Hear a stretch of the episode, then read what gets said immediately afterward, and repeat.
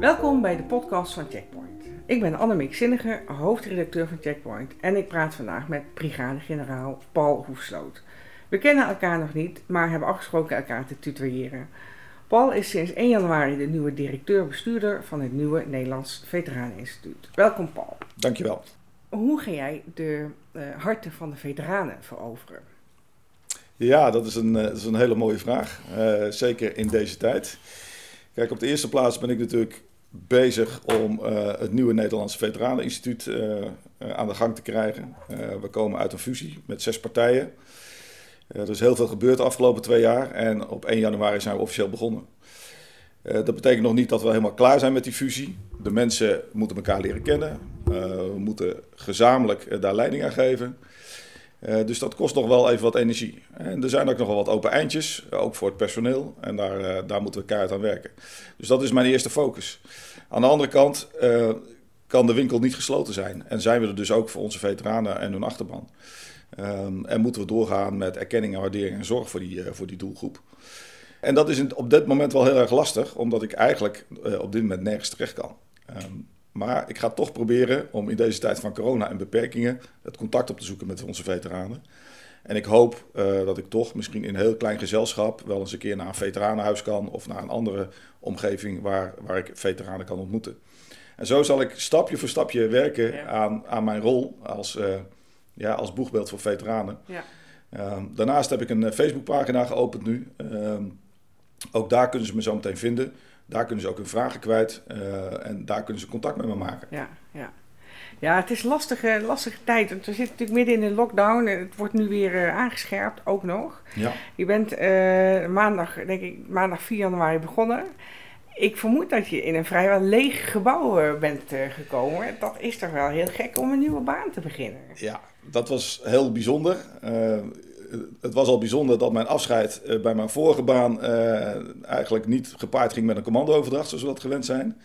Hier kwam ik binnen en werd ik netjes ontvangen door Gerdy Schippers, die mij een hele mooie sleutel overhandigde. Gerdy is de directeur van de basis? Was, was... was de directeur van de basis. Ja. Uh, Gerdy heeft symbolisch aan mij het gebouw overgedragen, maar ook al haar mensen. En dat deed daar heel veel, kon, ik, kon ik zien. Ja. Uh, om die verantwoordelijkheid over te dragen. Dus dat was één. Uh, daarna heb ik uh, met Ludie de Vos als oud-directeur van het Veteraneninstituut voor het bekende V-symbool van de veteranen gestaan. Daar hebben we de symbolische overdracht gedaan van de verantwoordelijkheid over de veteranen. We hebben hier vooraan hebben we de vlag nog mogen hijsen van het nieuwe Nederlands Veteraneninstituut. Ja. Maar het was allemaal met, met een, ja, een handjevol mensen. Ja. en dat is heel vreemd. eigenlijk zou je hopen dat je dit kunt doen met met alle mensen of alle medewerkers van het Veteraneninstituut en wat externe gasten. Zodat je ook voor het eerst contact met elkaar kunt maken en, en met een kopje koffie ja. eens over wat dingen kunt praten. Maar dat, dat lukt helaas niet. En ja, dat, dat is nou helemaal zo. Ja. Je gaat nu, uh, je, je komt uh, bij een uh, parate eenheid vandaan, het vuurstellcommando. Ja. Je gaat nu leiding geven aan een club, voornamelijk burgers. Grote, grote club, denk ik. Tenminste, 250 man, vermoed ik. Ja. Um, uh, vereist dat een andere manier van leiding geven? Want ik denk dat dat wel een, toch wel een andere dynamiek is dan, dan als je ja, nog bij een uh, parate eenheid uh, bent.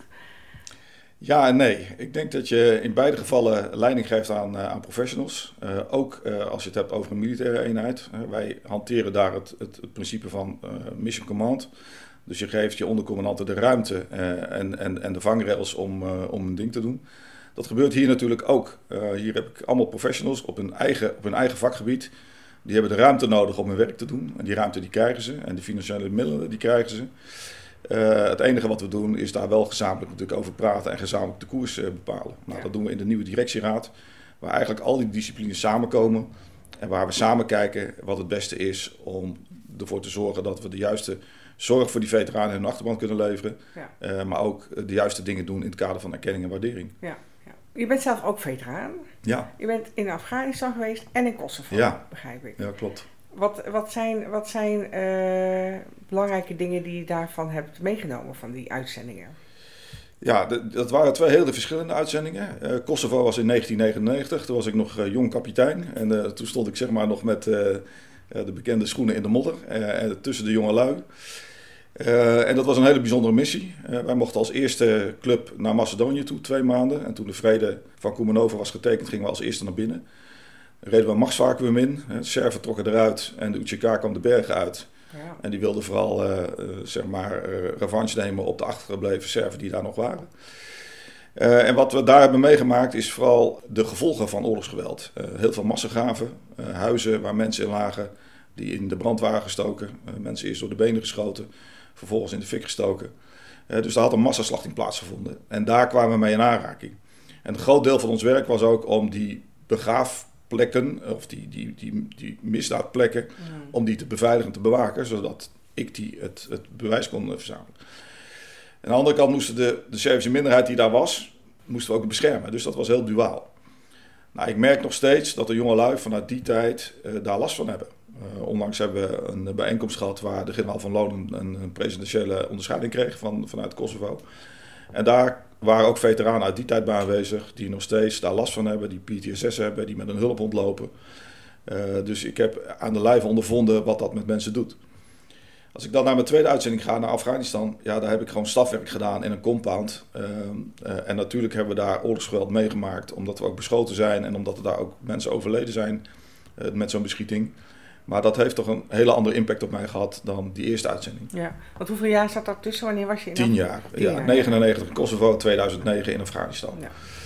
ja. En ja, met heel veel van die Kosovo-veteranen heb ik nog contact. En, en met heel veel gaat het gelukkig ook heel goed. Mhm. ja, dat, is, dat is toch wel het gros. Maar dat kleine deel waar het minder goed mee gaat, nou, daar moet je voor zorgen. En ja. ja. het is mooi en eervol dat ik dat nu in deze functie officieel kan doen. Ja, dus daar ben ik blij mee. Ja, snap ik.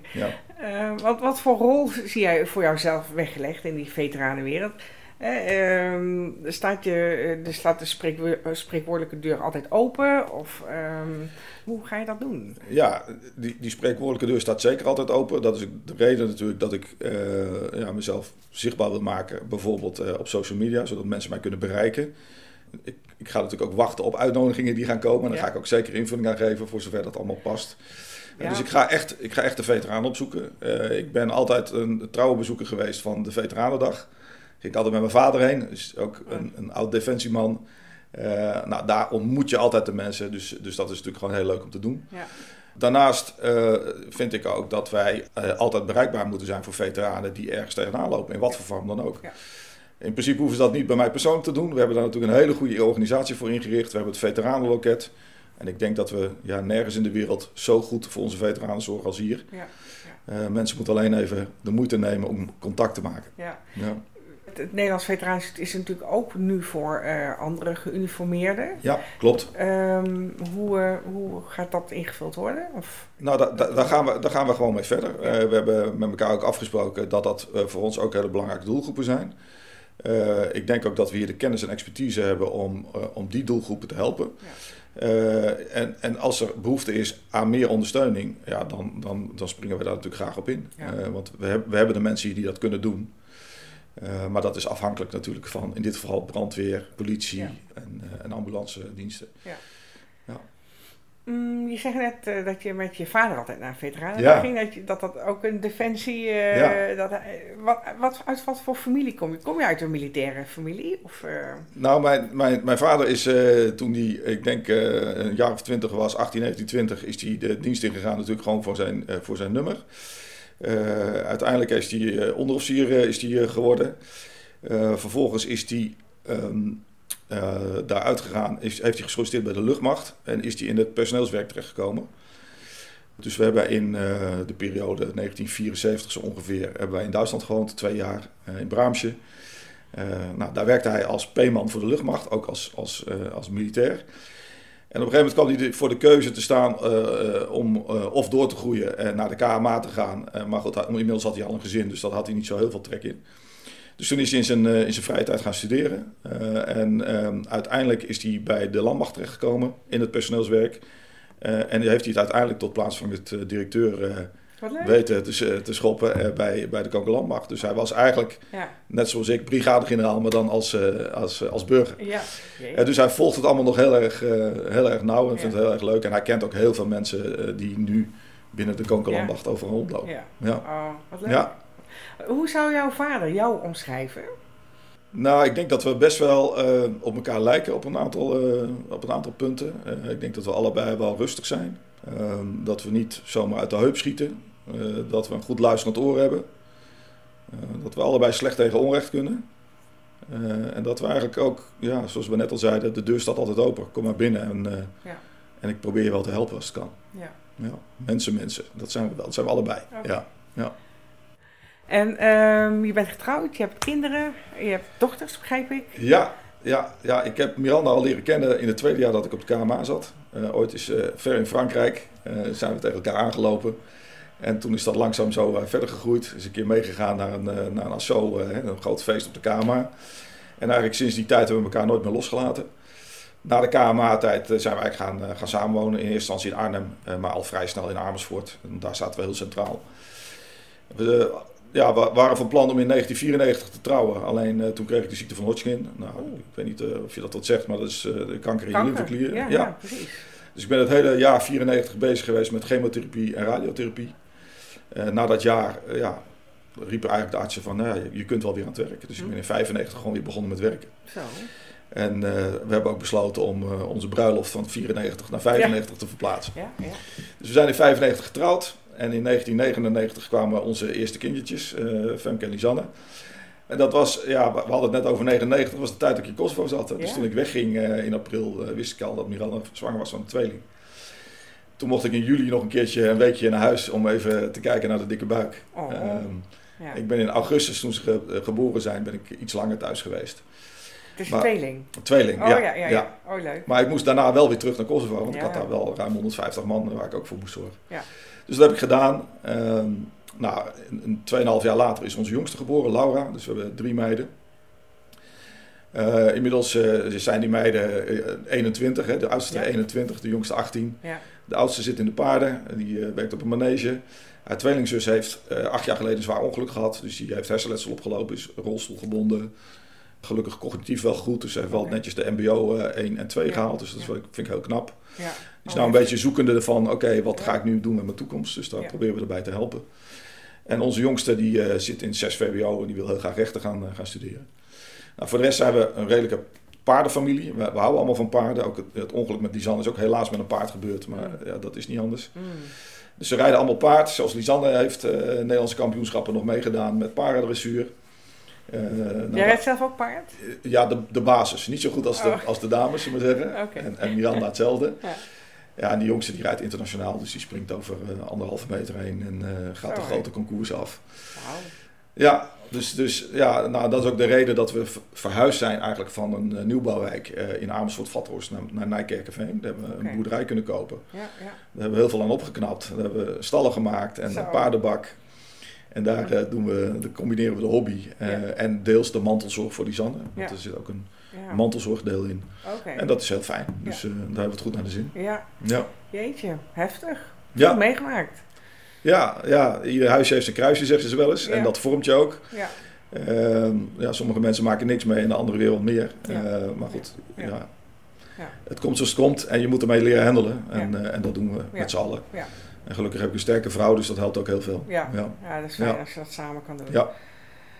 Heb je nog, uh, heb je nog uh, grote dromen, los van, uh, los van, je, van je nieuwe baan nu? Wil je ooit nog eens een keer een boek gaan schrijven of putten gaan slaan in Afrika? Of,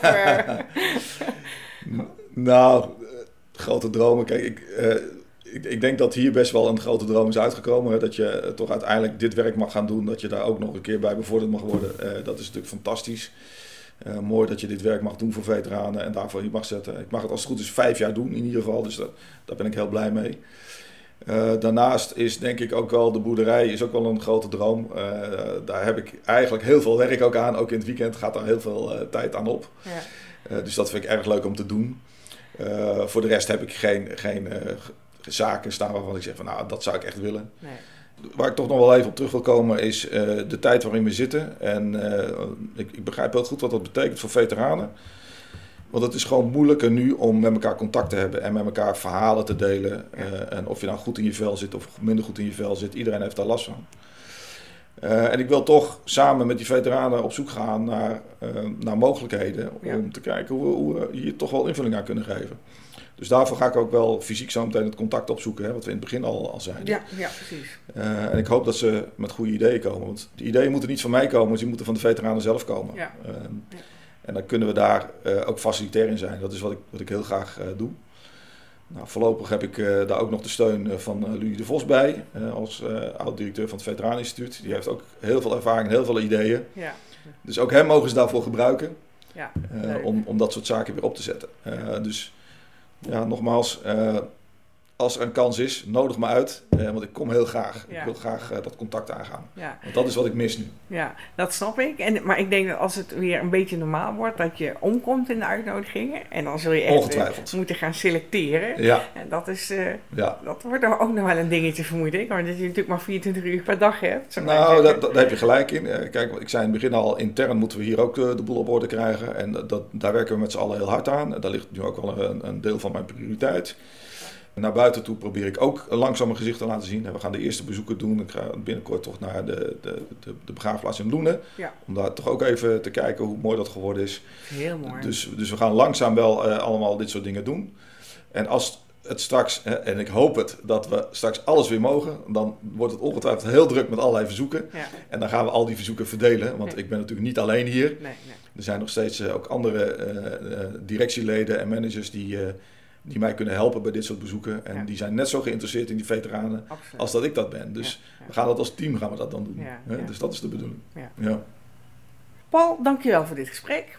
Deze podcast staat vanaf half maart online en het interview met brigadegeneraal Paul Hoefsloot komt in checkpoint nummer 2. Heb je zelf vragen voor Paul, dan kun je die stellen via de mail. Dat kan naar info.nlveteraneninstituut.nl en je krijgt gegarandeerd antwoord.